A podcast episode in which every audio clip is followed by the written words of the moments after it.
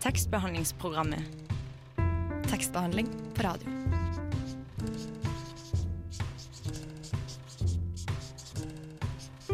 Tekstbehandlingsprogrammet.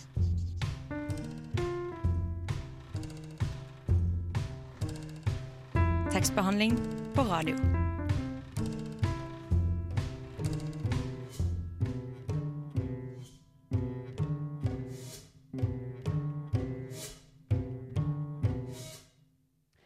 Hallo, alle sammen. Jeg heter Torolf Østmælingen, og eh, du hører på tekstbehandlingsprogrammet. Eh, akkurat nå så sitter jeg ved siden av Eline Hystad. Hei. Hei. Eh, du er tidligere tekst, tekster og behandler, er du ikke? Eh, ja, det er det jeg kaller meg. Ja. tekster og behandler. ikke sammen. Ja. Eh, du, du stepper inn i dag fordi eh, Ingrid, eh, Ingrid eh, Hva heter hun? Hvidstein. Hun har nesten knokket beinet, men hun har bare skadet noen leddbånd. Å ja, det var det som skjedde. Ja, det var det som skjedde. jeg fikk en eh, melding om at hun hadde skadet foten. ja, men det var fordi hun eh, gikk med en kompis på ryggen eh, i fylla, og så tråkka hun over. Mm. Eh, så nå går hun med skinne eh, og eh, ja, eh, mistet all, eh, all eh. Verdighet, Ja, all verdighet. jeg, ja. Så hun tør ikke vise seg offentlig. Ja, det skjønner jeg veldig godt. Men da er du her. Ja. Ja, har du hatt en god sommer? Ja. ja. Ja. Den, eh, den har gått fort. Ja, ikke sant? Nå er den borte. Ja. Eh, men den har vært fin. Ja, det er helt forferdelig. Uh, Ja. og det har ikke vært så varmt som det kunne vært heller. Nei, jeg er egentlig fornøyd med været. Ja. Um, helt OK. Ikke for varmt. du- Nei. Hvordan var sommeren din? Den var veldig bra. Ja. Uh, ja, jeg har faktisk lest overraskende mange bøker uh, denne sommeren. her. Jeg, jeg jobbet på eh, Sigrid Undsets uh, Bjerkebekk, hennes uh, dikterhjem, og leste Sigrid Undset, men bra. bare, bare. Kransen. Og Halve Ja. Jenny, eh, som er hennes sånn ungdoms... Uh, hva skal man si? Moderne uh, gjennombrudd. Men jeg vet ikke, jeg syns det ikke var så bra. jeg liker du ikke Sigrid Undset? ja. jeg, jeg har en mastergrad i Sigrid Undset, Ja. men det går bra. Så det er forskjellen på oss to. det er forskjell på oss to. Mm. Ja. Um, før vi går videre, vi skal jo snakke med Marie Aubert uh, Aubert. Uh, har jeg fått kontrabeskjed om. Hun heter Marie Aubert. Uh, hun har kommet ut med boka 'Voksne mennesker', eh, som vi begge to har lest og gleder oss til å snakke om. Men før hun kommer, så tenkte jeg vi skulle uh, kjøre i gang med ukas anbefaling. Uh, har du en ukentlig anbefaling, Eline? Ja, men jeg tenkte at jeg bare skulle snu litt på det. Og ha, det er egentlig en anbefaling om noe man ikke burde se, hvis du skjønner. Yes. For jeg så en film som heter Heart Beats Loud. Er det noen som har sett den? Ingen har sett den. Ikke se den. Det er poenget mitt. Den er, den er veldig middelmådig. Den var kanskje lagd for sju, seks, seks-sjuåringer. Veldig kjedelig. Den ligger på Viaplay, men du trenger ikke se den. OK. Ja. Ja. Uh, min anbefaling uh, denne, denne uka her vil være å lese flere tegneserier. Fordi alle vet jo at det krever mental kapasitet å lese uh, bøker. Men hvis man for det meste bare har bilder, så går alt mye lettere. Eh, og uh, det, det er min anbefaling for, for, for denne uka. Bruk noen- huet mindre. Noen spesielle tegneserier du har lest? Um, nei. jeg har ikke lest noen tegneserier. Det er bare en generell, et bare generelt tips. Ja. Men uh, nå syns jeg at vi skal høre en låt, og det vil da være Big Clip av SFSU.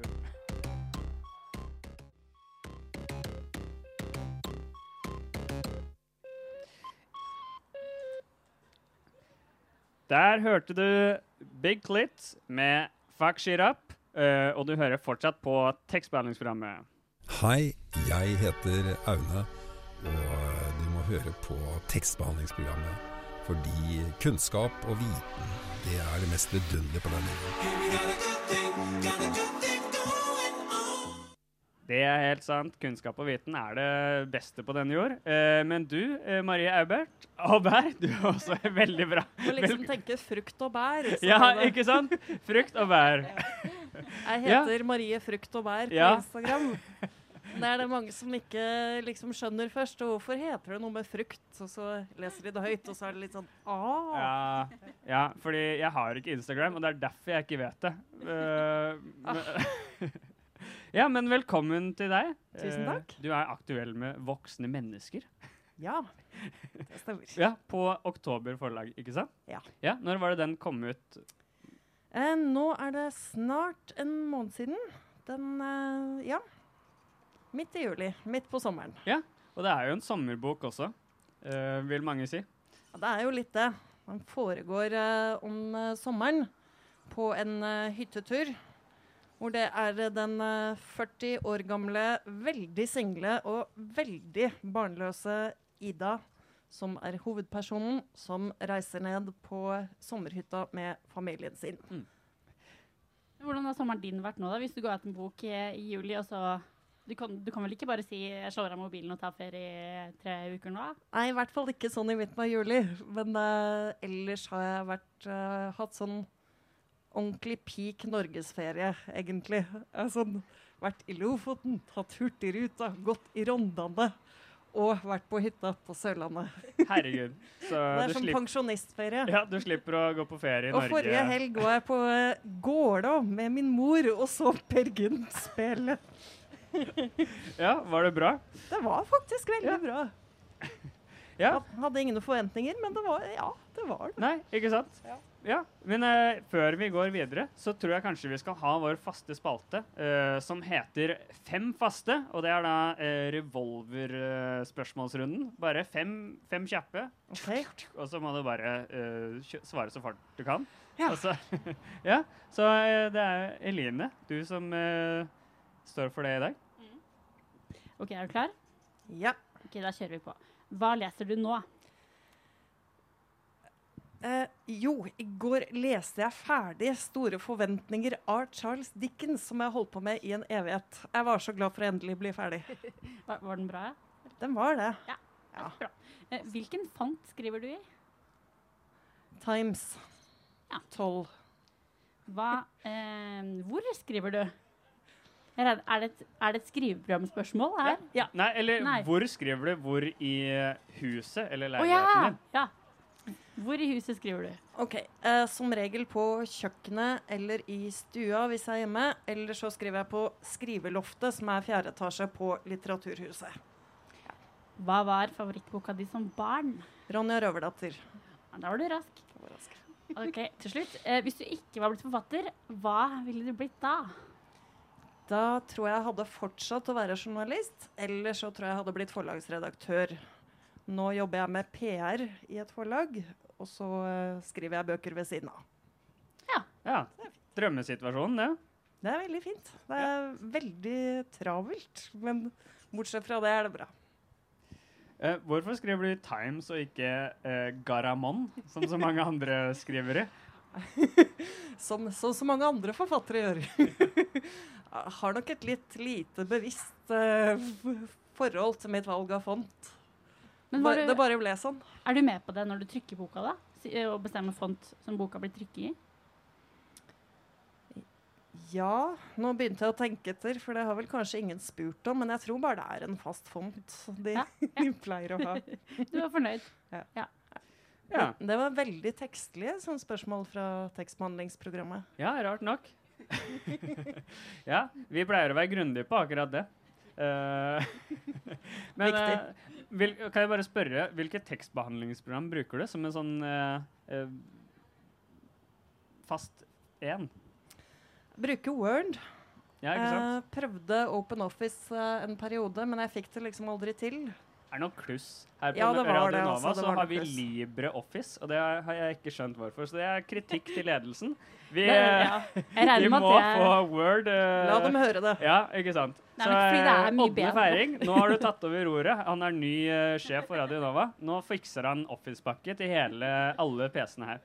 Så, ja, men nå tror jeg vi skal høre en sang igjen. Uh, nå uh, skal vi høre uh, 'Suck at Work' av The Modern Times. Det var 'Stuck at Work' med The Modern Times, og du hører fortsatt på tekstbehandlingsprogrammet. Hallo, mitt navn er Knut Nærum, og du hører på tekstbehandlingsprogrammet. Jeg går i hvert fall ut fra at du gjør det. Ja, og vi er fortsatt her ute i Betonghaven og har besøk av Marie Bær. Og eh, du har med deg boka di, 'Voksne mennesker'. Ja. Har du lyst, det her har du sikkert fått litt trening på gjennom sommeren, for du, som du har sagt, så har du brukt hele juli og august på sikkert å snakke om den. Men kan du ikke si litt om hva voksne mennesker handler om? Eh, ja, det er eh, egentlig om eh, de to søstrene i boka. Det er Ida, som eh, jeg nevnte, men ja, kan si det en gang til, kan jeg ikke? Ja, ja, ja. Ida er eh, 40 og eh, skikkelig singel og skikkelig barnløs og får ikke det der eh, helt til. Eh, og hun har akkurat vært på en fertilitetsklinikk i Gøteborg fordi hun vurderer å fryse ned egg, eller tenker at hun skal gjøre det. Og eh, så drar hun ned på eh, familiehytta for eh, å være der med søstera si, som heter Marte. Marte har liksom eh, aldri fått til det Ida har fått til. For Ida er mye flinkere, syns hun selv, til det meste i livet. Men eh, Marte har da en eh, OK samboer, og hun har en sånn bonusdatter som heter Olea. Og da Ida ankommer hytta, får hun vite at Marte sånn surprise har greid å bli gravid etter veldig lang tids prøving. Og da rakner det egentlig sånn litt for uh, Ida. Så hun uh, setter i gang uh, litt sånn der kjipt spill de neste dagene. Mens de skal være på hytta og ha det hyggelig og feire bursdagen til mora. Som begynner litt sånn å undergrave Marte, på en måte. Ja, fordi det er jo nesten litt ironisk, eh, tittelen. Eh, 'Voksne mennesker'. Eh, med tanke på at hvor mye barnslige greier de to søstrene finner på seg imellom. De er jo veldig sjalu på hverandre og eh, ja, driver et sånn sosialt spill da, på nesten sånn søsken... Søs, ja, sånn barndomssøskensnivå, liksom. Ja, det er jo eh, mange som ikke oppfører seg så veldig som eh, voksne mennesker. Men det er, det er jo også et sånt uttrykk vi bare bruker når vi skal liksom eh, ja, Nå må vi oppføre oss som voksne mennesker. Litt sånn. Eh, men så er det jo eh, litt om hvilke roller vi får inni en familie, og hvordan det er så innmari lett i det øyeblikk du reiser hjem til jul, eller du reiser hjem for å tilbringe tid med familien din.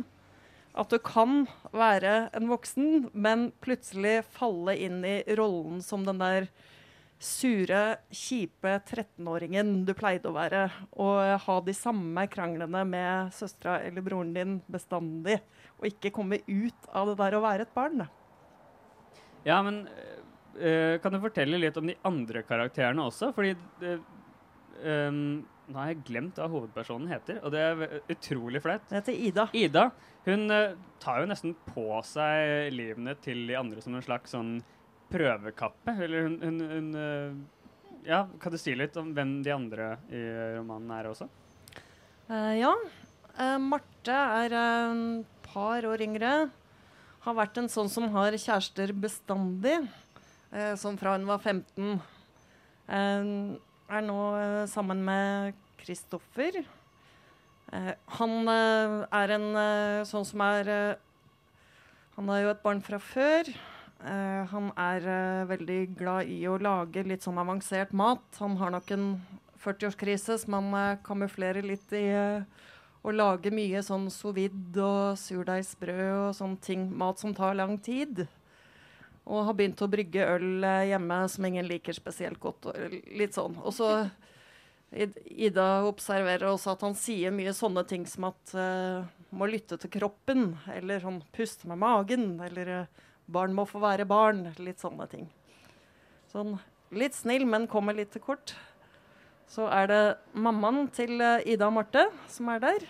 Og eh, som også litt vel er nøkkelen til de her eh, skeivhetene mellom eh, Ida og Marte.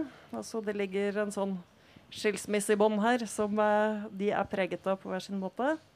Og så er det Stein som er mammaens nye mann. Stein eh, går med Fedora-hatt som han nekter å ta av, som han nok syns han er litt kul med. Han har sånne solbriller med glass utenpå, så, eller sånne briller med solbrilleglass utenpå som du vipper opp, så han blir litt insektaktig. Og syns at puslespill er løsningen når det begynner å bli mye nerver. Men er også en som egentlig ser ganske skarp da, til tider.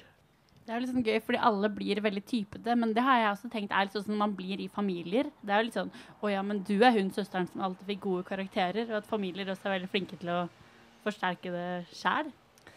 Ja, har, den er jo veldig, veldig, veldig sett gjennom uh, Idas perspektiv.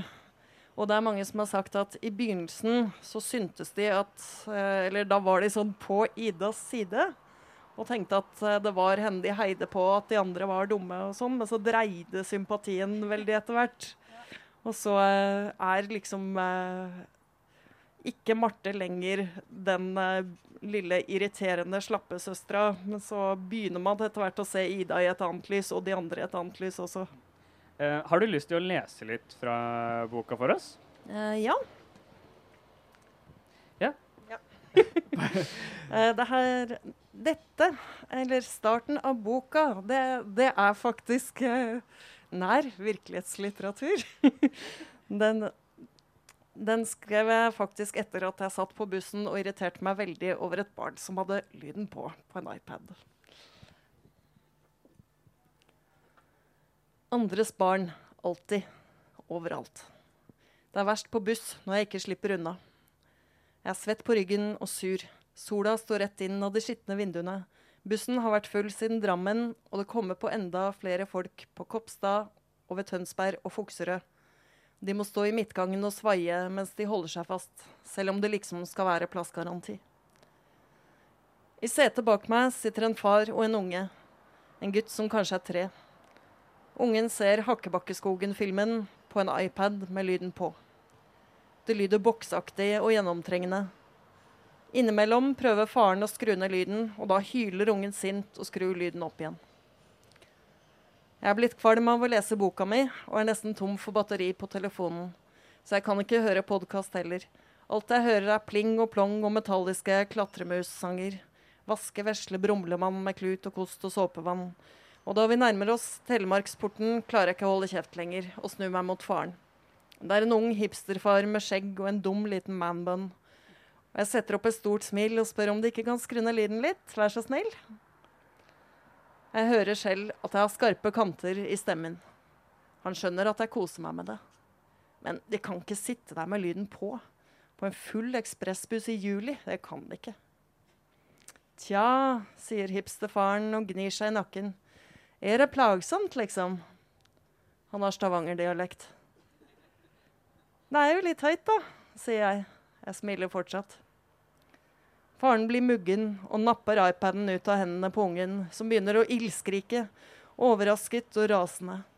Og det gamle ekteparet i setet foran meg snur seg og stirrer oppgitt på meg. Ikke på ungen og faren, men på meg. Ja, sånn går det når du ikke vil skru av lyden, sier faren. Hun dama blir forstyrra. Nå får du ikke lov til å se mer. Bussen svinger inn mot bensinstasjonen, der det er stopp for tissing og kaffe. Mens ungen ligger på tvers i setet og skriker. Jeg tar veska mi og haster gjennom midtgangen med hylingen bak meg.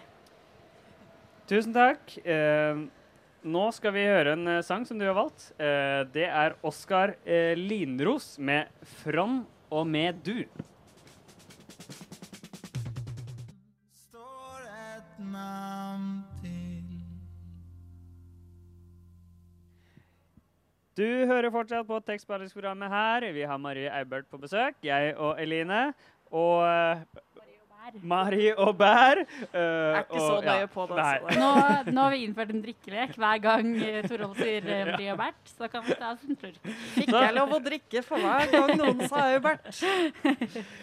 Ja. Ehm, hovedpersonen Ida er jo eh, litt en flink pike, kan du si. Leder hun litt av flink pikesyndrom, eh, tror du? Nei, Om hun, si. om hun gjør. Jeg Ja. er på en måte litt imot uh, måten flink pike-syndrom blir uh, brukt om. Og jeg syns jo ofte det er en litt sånn nedvurdering som uh, av en eller annen grunn kun blir brukt overfor uh, jenter som er flinke til noe. Ja, det er Eh, sexistisk. ja, jeg syns det er sexistisk. Men Men Ida er nok en som legger veldig mye prestisje i å um, klare ting. Og føler at hun er ganske sånn suveren. Og hun er ganske sånn selvrettferdig. Hun eh, føler seg veldig overpå sånn, eh, i forhold til søsteren, som er litt sånn mye sjuk og eh, er litt lat og ikke klarer ting. Og da syns hun det er veldig deilig å sette henne litt på plass, liksom. Og eh, som 15-åring så er hun liksom en sånn som holder, holder tale på skoleavslutningen og har forberedt et Beckett-sitat som hun liksom tenker at hun skal slynge utover uh, gymsalen, og alle skal bli litt sånn wow. Men hun feiler jo hver Hun gang der. hun skal holde tale Ja, også. hun eh, så- feiler mye, og hun tåler ikke så godt å feile. Så uh, til gjengjeld er hun ganske opphengt i et sitat av Beckett som he heter 'fail better', men hun klarer ikke å leve så veldig godt etter det selv, antagelig. Det skjønner jeg ikke hva det betyr, egentlig. Uh. Nei, det er jo ikke så Det er jo ikke så lett å forstå. Men hvorfor jeg, jeg blir nysgjerrig på hvorfor du tenker at hun er flink. Nei, altså, det var eh, fordi Det er ikke fordi jeg mener at hun er en eh, At man skal si at flinke piker er flinke piker, eller at det finnes noe som heter flink pikesyndrom. Men det er liksom en sånn karikert eh, Det er bare en, en jente som er veldig flink til det hun driver med. Jo, men hun Eh, er som- som absolutt innbitt flink, de, så det er riktig, det, altså. Og sånne ting. Ja. Og det er jo altså, noe i kulturen man ofte har kalt for flink pike. da. Så det er ikke fordi ja. Nei, men hun er jo ganske slem også, tenker Ja. jeg. Hun er, hun er, en, usympatisk hun er absolutt eh, innbitt flink, så Ja. det, det er hun. Ja. Ja, jeg er enig. Men fordi man lar jo også Eller du, du lar på en måte hun fortelle historien sin. Altså, da får man jo alle de tingene som hun tenker, som er sånne ting som man tenker sjæl hele tiden nå, tenker jeg, men som man aldri ville latt noen uh, høre. Sånn uh, alle de grusomme tingene man ønsker om folk man er glad i også, da.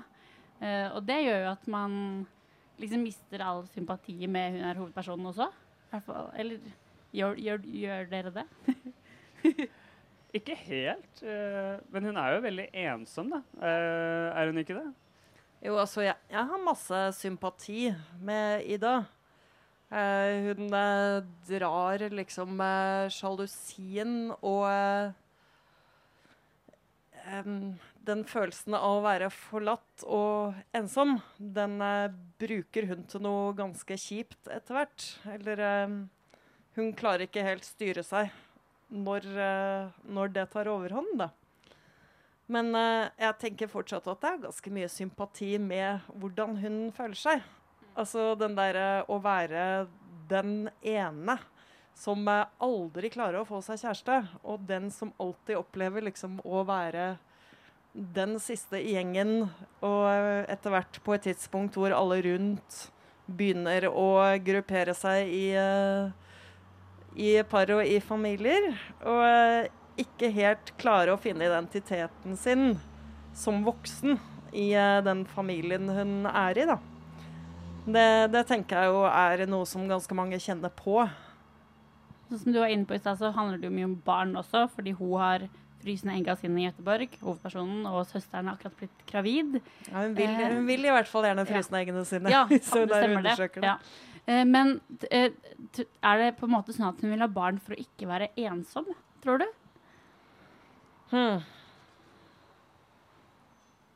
Kanskje. Det, hun har nok i hvert fall uh, hatt en sånn tanke om at nå burde hun hatt en mann og, og barn.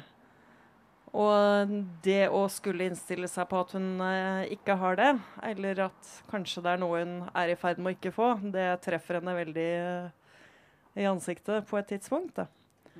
Men om det Ja, det handler jo kanskje mye om eh, tilhørighet. Og ville være en del av noe større enn deg selv. Og ha mennesker som du hører til, som ikke er din mor eller søster, på en måte. Noen du har valgt. Eh, men, eh, men så tror jeg også det er sånn om hvilke forventninger har hun til livet. Og så mange av oss har til livet, det. Mm. Men uh, nå skal vi høre en uh, sang her igjen, og det er faktisk du som har valgt ut uh, noe av musikken her til programmet i dag, Marie. Jeg ble så satt ut av å bare kunne velge hvilke tre låter som helst i verden. Så det Men nå skal vi høre Robin med ja, 'Missing jeg har valgt å bare sånn gå for uh, gladsvensker. Eller for svenskene klarer triste tekster og vidunderlig perfekt gladpop i ett. Så dette er den beste.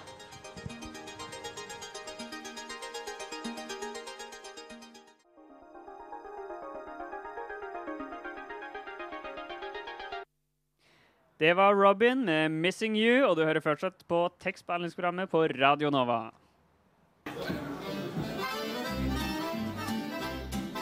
Hvis du går hjem med noen og de ikke har bøker, ikke knull dem. Hilsen tekstbehandlingsprogrammet. Ikke gjør det. Hilsen tekstbehandlingsprogrammet. Vi er fortsatt her. Marie Aubert og Eline. takk, takk, takk. Tusen takk. Ja, eh, hva er et voksent menneske, Marie? Store spørsmål. Ja Ja. Er, er du voksen? Ja, er du voksen? Er jeg voksen? ja jeg, tror jeg, tror jeg er voksen. Ja. Jeg føler meg ikke voksen. Eh, hva med deg, Eline? Kanskje litt midt imellom? Midt imellom. Ja. Men eh, hva er de eh, romankarakterene i boka di voksne? De er vel litt både og. Tenker at de oppfører seg vel eh, ofte Eller eh, Jeg liker jo å skrive om folk som er vanlige og normalt fungerende og ganske greie, sånn eh, egentlig. Men som eh, etter hvert gjør ganske kjipe ting mot dem de har rundt seg. Og det er jo ofte av noen sånne litt primalfølelser som også man kan si er litt barnslige. Som handler om sånn man er redd for å bli forlatt, eller man er sjalu på noen, eller uh, man har et eller annet i seg som ikke vil andre helt vel, da. Det, det er veldig interessant å skrive om det. De der tinga du liksom ikke kan si til andre at du går og tenker på. At du ikke unner noen den der kjæresten der, eller at du eh, egentlig ikke er så glad for at venninna di ble sammen med han der, eller eh, sånn eh, Fordi du kjenner på noe litt sånn stygt i deg selv. Men eh, voksne har også det med seg. Selv om man blir voksen, så har man en god del i seg som eh, fortsetter å være litt sånn primalt. da. Voksne kan jo nesten være slemmere enn barn òg, fordi de klarer Ah, ja. å være litt mer utspekulerte. Og de, de er jo noen litt utspekulerte av og til, de karakterene dine også. Ja, flere lag av drit, Ja. liksom. Men hvorfor, eh, hvorfor ble det voksne mennesker som er tittelen eh, din, da? Jeg liker litt sånne titler som er uttrykk man uh, kunne brukt. Um, den forrige boka mi het 'Kan jeg bli med deg hjem?', og det var en sånn tittel vi fant veldig fort, egentlig. Sånn, ja, den må hete det. Denne brukte vi mye lengre tid på å komme fram til. Men eh, jeg syns vel at den dekka eh, både det Ida ønsker å strekke seg etter, og eh, det hun ikke har, da. Og eh, hvordan de eh, handler sammen. Og så er det noe med det stedet de er på også. De er på eh, hytta, som er en barndomshytte. som er proppfull av sånn eh, den stien man alltid har gått eh, ned for å bade, og hvilke steder du må passe på, for der er det bratt, og sånne ting. Så man husker sånn innmari godt fra man var barn. Og hvordan skal man liksom overføre det til en voksenidentitet? Hvordan skal man eh, bli voksen med barndomsminnene sine, på en måte. Og Marte klarer det ganske godt, og blir en voksen som er på hytta og bruker den og vedlikeholder og sånn, mens Ida ikke helt får det helt til. Det er en sånn greie med at hytta er malt også. Når Ida kommer, så har de Ja, malt de har hytta. malt den hvit. Ja, jeg kan jo se for meg, hvis, hvis dere prøver å se for dere at hytta deres plutselig er blitt malt, så er det sikkert mange som I syns det er litt stress. Hytta har blitt voksen, rett og slett. Ja. Ah. Ja, men over på noe helt annet, eller noe litt annet. Eh, jeg tror det er på tide med en quiz. Eh, en slags quiz, da. Dette er et slags dilemmaopplegg jeg har eh, spikret sammen for anledningen. Eh, og det er da altså eh, eh, Hva skal vi si? Det heter 'Hva er mest voksen av?'-quizen. Eh, og eh, jeg og Eline vi, Fordi det er sånn 'Hva er mest voksent av A eller B?' Eh, og så skal Ja. du bare svare på hva du føler er mest voksent. Og så har jeg og Eline også eh, eh, valgt det vi tror du kommer til å svare. Så samtidig som det er en quiz er for deg, skummelt. så er det en slags bingo for oss, da. Ja. Så vi vinner på slutten, mens uh, du, eh, du bare svarer. Vinner jeg nå? Ja, heder og ære, kan vi si. Ingenting. Ja, men eh, da tror jeg vi går i gang med Hva er mest voksent av quizen? Quizen. OK, første spørsmål. Uh, hva er mest voksent av å miste telefonen i do versus å bruke vrengte under underbukser fra skittentøyskurven uh, når man er tom? Miste telefonen i do. For det er et uhell, mens det andre er liksom eh, lagret opp av eh, slepphendthet, på en måte. Ja, Så det er bare en dårlig vane? Ja. Ja. Da fikk jeg Eh, riktig. jeg mista telefonen i do i fjor. Den eh, Ja. Ja, Det har, og, ingen, det har og, ingenting med saken å gjøre. og du er voksen. Det har vi jo Og er voksen! Ja. ja, hva hadde du der, Eline? Jeg svarte også det. Ja, Så Mm. 1-1. OK, neste spørsmål. Hva er mest voksent av å like fisk versus å like sprit? Å drikke sprit. Sånn Nyte sprit. nyte Ja. sprit. Jeg føler jeg kommer litt an på hva slags sprit.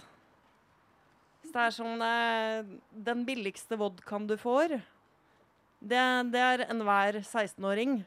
Men er det sånn ordentlig gammelt, eh, stilig, bra whisky, så er jo det litt voksent. Jeg tror jeg sier brennevin. Yes. Søren òg. Fisk er jo så voksent. Jeg liker fisk. Jeg har ikke vært voksen til å like fisk etter at man ble sju år. på Nei, måte. det er kanskje ikke det. Men Nei, jeg lik- nei, jeg er enig. Og jeg tenker liksom det der med å gå, gå over fra brusblandinga til eh, hei, hei, jeg tar meg en whisky og nyter den på kvelden. Da er, da er du voksen. ja. Eller så kan man liksom også være en grunnfagsstudent på 22 år som tenker det er veldig voksent å like whisky. Det går også an, og det er jo kanskje ikke så voksent. Men da prøver man å være voksen, da. Men helt plutselig så finner denne personen at sushi, det var godt. Ja, Og så er de det voksne. Men uh, neste spørsmål. 2-1 til Eline. Uh, hva er mest voksent av å ha mistet lappen versus å bare festrøyke? Um, bare festrøyke. Yes! hva hadde du der, Eline? Jeg har det samme. Faen. OK, da kjører vi bare videre. Eh, hva er mest voksent av å leke med sitt gamle leketøy av og til versus å fortsatt ha melketenner i 30-årsalderen? Oi! um, det ene er jo noe du er, mens det andre er noe du liksom ikke kan så mye for. Du, er ikke no, du kan jo ikke noe i for, for det hvis du har melketenner. Jeg vet ikke, Er det biologisk mulig? Ja, jeg, eh, Det er det. eh, Ok. kjæresten til en venn av meg har fortsatt noen melketenner. Eh, og det er sånn jeg kom på det. Ok. Eh, Og er 30 år. Nei, hun er eh, 25 da. Ja. Eh, men hun har melketenner. Eh, og er, hun er vel voksen nå, tror jeg. Nei, det er veldig barnslig å ha melketenner. Jeg må si det andre. Ja, det er det. Det er det. Så å leke med sitt gamle leketøy av og Ja, til mer er voksent, mer voksen enn å likevel, altså. bare ved biologien ha melketenner. Jeg kan ikke du for kan det. ikke noe for det. Tenk okay. så små melketenner er, liksom. Ja, da hadde jeg helt eh, feil. Fordi fy, så barnslig det er å leke. Nei, jeg lett tok å leke, fordi det er eh, Ja, Ja, du tok det. igjen. Jesus Christ. OK, uh, det, dette blir et trøstespørsmål i så fall. Eh, for meg, hvis jeg har riktig og du har feil. Hva er mest voksent av å ha dyre møbler versus å ha dyrt hår? Eh, ja, der må jeg si dyre møbler. Uh, jeg har skjønt at det går et skille fra liksom å bruke veldig mye penger på seg selv, og å bruke veldig mye penger på omgivelser. Jeg har begynt å kjøpe dyre møbler, men jeg har ikke begynt å kjøpe dyr kunst. Mens kjæresten min er eldre enn meg og kjøper dyr kunst. Så han har kommet sånn next level. Men det er veldig lenge siden jeg begynte med liksom litt sånn bedre enn uh, Define. på en måte. Det, det begynner man jo med tidlig. Så graden er dy dyrt hår, dyre møbler, dyr kunst. Først så kommer Skal vi se. Først kommer dyrt hår. Så kommer dyre hudprodukter. Så kommer dyre klær. Så kommer dyre sko. Så kommer dyre vesker. Og da Ja. begynner vi å snakke.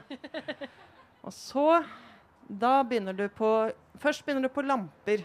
Først begynner du på Ja, designlamper. dette kan vi snakke Det om første stadium. i et helt annet fora. Så kommer dyre møbler, og så kommer kunst. OK. Du begynner sånn. Takk begynner, for meg.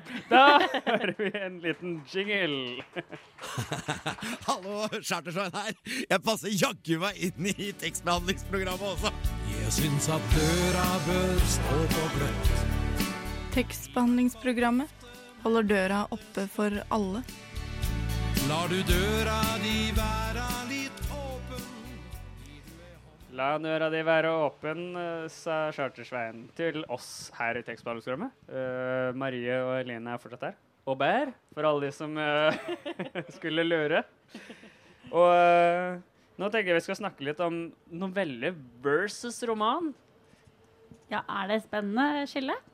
Kanskje litt. Du har, skrevet, du har jo utgitt en novellesamling før mm -hmm. du ga ut voksne mennesker. Og eh, jeg syns egentlig at noe av det fineste med romanen Vo- Voksne mennesker er at den bare er på den hytta, og at det er de fem-seks seks personene som er der. Ja. Um, men så kan man jo tenke at det er litt sånn novelleaktig også. At alt er på ett sted, og alt skjer på noen dager.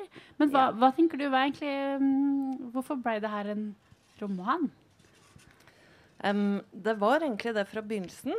Eller em, Jeg har alltid vært vant til å skrive noveller og tenkt at uh, det er ganske befriende. For uh, da har du noe som begrenser deg litt, da. Teorien min er at du trenger liksom uh, egentlig ikke alle muligheter i verden. Sånn kreativt sett. Du trenger egentlig begrensninger. Du trenger å snevre inn. Em, så den rammen du har når du skal skrive en kort historie, er litt sånn at du får ikke sagt alt i hele verden. Du må velge veldig ut hva du skal si. Og du må gå til eh, kjernen av fortellingen veldig sånn med en gang.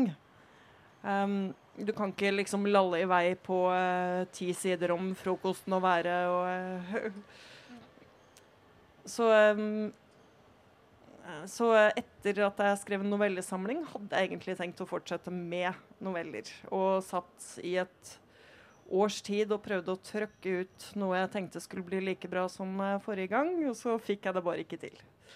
Sånn eh, På seinhøsten, sånn eh, året etter, så begynte jeg på noe som jeg tenkte sånn Det her tror jeg kanskje ikke er en novelle. For eh, det kjentes bare som det var mer der. på en måte. Så det er, det er mer sånn at stoffet egentlig bestemmer om det skal være noe kort eller noe litt større. Det er sånn hvor mye kan jeg dra det Eller hvor stort lerret er det jeg har, på en måte. Men det er jo fortsatt en veldig åpen slutt, eksempel, som er et veldig Mm. typisk sånn novelletrekk. Ja. Det er det jo i mange romaner også, for så vidt. Det er sant, det. Men, det, men den er absolutt uh, novellistisk i stilen, ja. Men det er Det- forskjellen på novelle og roman, for der blir bare liksom, hvor mye overskudd kjenner du at du har på det stoffet her? Her, her Ida og Marte Ja, hadde så mye, mye å gi mer er det å skrive ut, rett og Ja. slett, da. Um, det var en historie til der med hvordan de søsknene har hatt det sammen. Og, det var, og jeg fant ut at det også var mer å spille på med eh, Idas barnløshet og eh, hennes historie med det. Eh, og da blei det mer, rett og slett. Det var en historie som krevde mer plass. Da. Men det kan godt hende jeg skriver noveller igjen neste gang. Får se. Ja, men nå tror jeg vi skal høre noe musikk istedenfor. Istedenfor å skrive noveller. Istedenfor å skrive noveller. Herregud. Det- Vi har jo bare en Herregud. times tid. Men uh, dette er den siste sangen som du har valgt, uh, Marie. Ja. Uh, den heter så mye som 'Come Give Me Love' av Ted Gjerdestad, Hvorfor valgte du den? Den er, eh, den er rar og fin. Ted Gjerdestad var eh, liksom den ukule popkillen på 70-tallet i Sverige. Dypt deprimert, skrev nydelige låter. Så eh, den er ordentlig fin.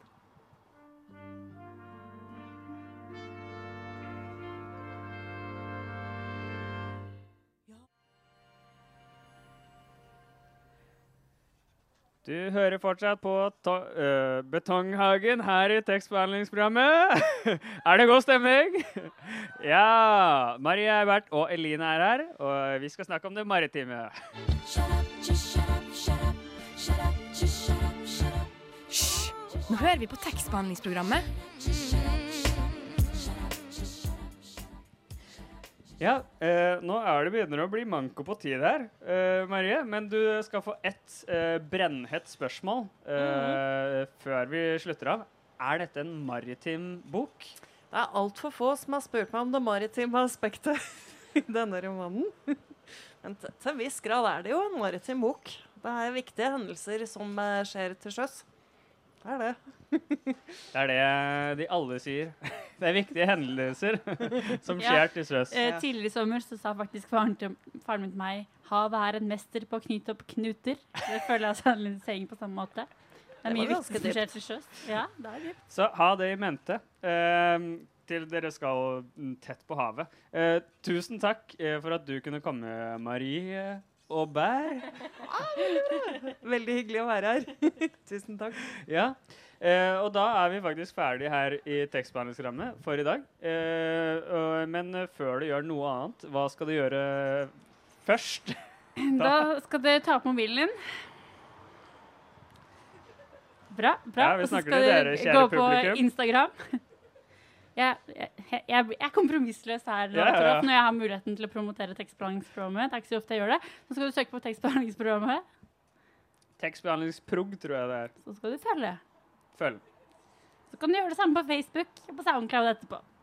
Og last oss ned på din yndlingspodkast-app der hjemme. La det være podkast på Apple phones, eller la det være Acast, eller la det være en annen eh, cast. Eh, og for det eh, så tror jeg faktisk vi er ferdig her i dag. Eh, nå skal vi høre Spill oss på P3. Eh, aller først skal jeg si tusen takk til deg, Helene, for at du Takk kunne bli med. Takk for at jeg fikk være med. Og takk til meg som heter Torolf. Spill oss på P3 med Faen i helvete.